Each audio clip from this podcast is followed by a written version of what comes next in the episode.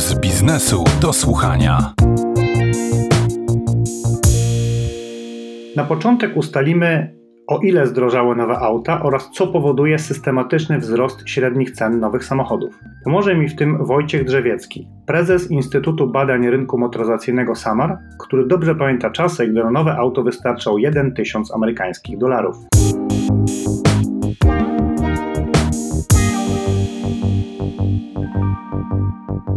Lata 80. to rzeczywiście dziwny okres. Dostępność samochodów była niewielka. W zasadzie mogli kupować je szczęśliwcy na talony, a takich szczęśliwców było niewielu. Trzeba było mieć odpowiednie dojścia do partii rządzącej. Z drugiej strony, jeżeli udało się mieć bony towarowe lub dolary, co było rzadkością, ale jednak niektórzy mieli takie szczęście, to mogli kupić auto w Peweksie czy w Polmocie. Te samochody kosztowały około 1,5 tysiąca dolarów najtańsze auto typu Fiat 126 do 2-2,5 tysiąca auta droższe, pochodzące głównie z krajów Demoluda, czyli Łada, Skoda, która już wtedy była postrzegana bardzo dobrze, ale także polski Fiat 125. Później e, sytuacja zaczęła się zmieniać. Na początku lat 90. powstały pierwsze salony dealerskie. Nie było ich jeszcze zbyt wielu, ale już e, się rozwijały. To był bardzo dobry okres dla polskiej motoryzacji, okres bardzo dynamiczny. Ta sprzedaż e, dynamicznie rosła i salonów powstawało bardzo dużo. Ja sam pamiętam początek lat 90., 91, 92 rok, wkroczenie chociażby na rynek marki e, Renault, która nagle postawiła 100 salonów. No, może nie były one tak jak dzisiaj, dofinansowane, wielkie, przeszklone, ale 100 punktów sprzedaży, z którymi można było dotrzeć do klienta, dzięki czemu ta sprzedaż zaczęła się nam e, rozwijać. Marże dealerskie wtedy kształtowały się na poziomie 15-20%, czasami nawet większe w przypadku przypadku niektórych modeli, więc e, dealerzy mieli sporo gotówki, aby zainwestować e, w rozwój swoich punktów, co przełożyło się na jedną z najnowocześniejszych sieci dealerskich sprzedaży. Oczywiście ten początek związany był e, głównie z samochodami bardzo ubogimi, jeżeli chodzi o specyfikacje.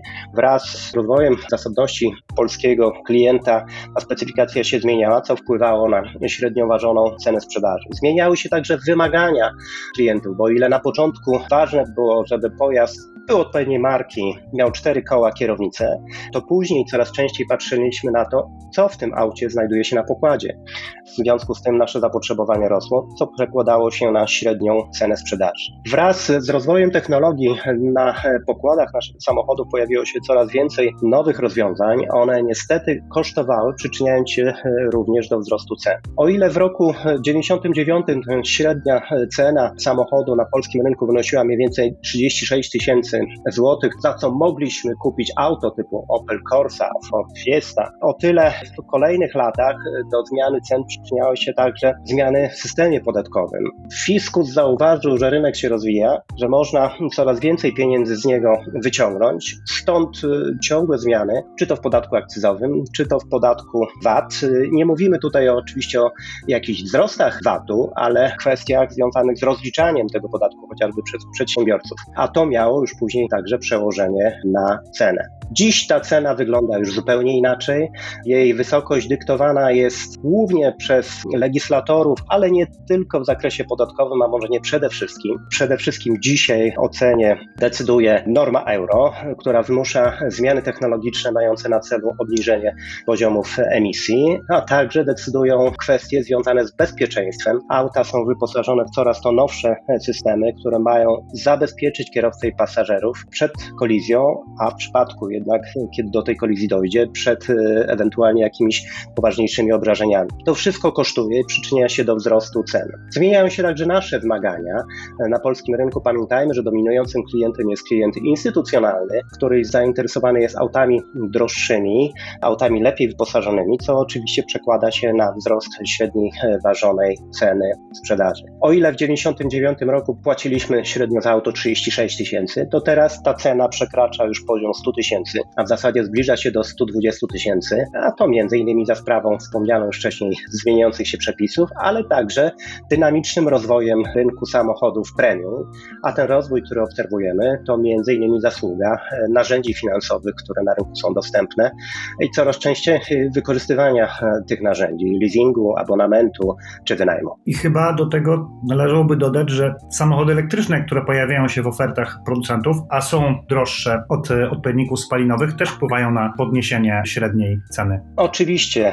Zmieniające się wymagania dotyczące emisji spowodowały, że producenci przestawiają się dziś powoli w swojej ofercie na samochody hybrydowe i samochody elektryczne. Podstawą mają być samochody elektryczne, ale ich cena jest dzisiaj stosunkowo wysoka w porównaniu do naszych możliwości finansowych. Stąd też na rynku bardzo dużo hybryd miękkich, klasycznych i, i pluginowych, które też niestety kosztują drożej. Przyszłość to samochody elektryczne, a więc dalszy wzrost cen. Być może przy zmieniającej się technologii i, i coraz większych zakupach samochodów elektrycznych ten wzrost nie będzie już tak dynamiczny, ale możemy się spodziewać, że będziemy e, jeszcze te wzrosty obserwowali. Zmienia się technologia, a technologia e, zawsze kosztuje. Na szczęście ceny samochodów są w jakiś sposób kompensowane przez narzędzia finansowe, które e, na rynku są dostępne w coraz większym zakresie. I wkrótce może się okazać, że właścicielami będziemy tylko wtedy, kiedy będziemy kupowali samochody używane. Natomiast na rynku samochodów nowych będziemy kupowali usługę i wynajmowali auta w ten czy w inny sposób, bo abonament jest też e, formą wynajmu. Czyli w związku z tym, że rosnące ceny aut trochę zmuszą nas do zmiany podejścia, jeśli chodzi o własność auta i przejścia w formę dzierżawy, wynajmu czy jakiejś formy abonamentowej, zmieni to jakoś rynek importu? Zwiększy ten import aut używanych? Nie sądzę. Polska jest jednym z największych importerów samochodów używanych w Europie. Oczywiście e, inne rynki, szczególnie Europa Zachodnia, które szybciej wdrażają zmiany związane z e, ograniczeniem emisji, czyli przyspieszają ten moment, e, gdzie nie będzie już możliwości rejestracji samochodów silnikami klasycznymi, to te rynki będą w coraz większym stopniu udostępniały ten swój stary produkt. My pewnie z chęcią będziemy go brali, ale wydaje mi się, że pokłosiem tych zmian będzie raczej zmiana struktury importu i będziemy sprowadzali auta nieco młodsze, których e, ceny będą atrakcyjne, a nie e, auta starsze. Natomiast poziomy powinny e, być mniej więcej takie same. Rocznie polski rynek wchłania około 2,5-3 milionów aut i to chyba się nie zmieni. A czy zmienią się marże, bo skoro ceny samochodów nowych rosną, to czy raz z nimi rosną marże producenta, importera, dealera czy każdego, kto na ścieżce sprzedaży auta stoi? No, tutaj zmiany również widzimy, ale raczej z punktu widzenia dealerów i producentów na niekorzyść. E, oczywiście abstrahuję od polityki samych producentów, którzy zmienili kwestię naliczania marży dealerskiej, która już nie jest tak jednolitą marżą, jak była w latach 90., gdzie, jak już wcześniej wspomniałem, te marże dealerskie potrafiły dochodzić do 20%. Dzisiaj marża dealerska to z reguły 1, 2%, 5% to już jest nieźle. Liczą się tak zwane bonusy, które dealerzy mogą uzyskać dzięki sprzedaży na odpowiednim poziomie. I o to oczywiście e, dealerzy walczą. Natomiast tutaj sytuacja będzie się zmieniała. Zobaczymy, co się stanie w momencie szerszego wdrożenia samochodów elektrycznych, bo myślę, że sprzedaż będzie szła w kierunku internetu, sprzedaży online'owej i rozwiązań agencyjnych, które zmienią podejście do kwestii marsz, do kwestii cen, do kwestii samego zakupu auta czy zakupu usługi.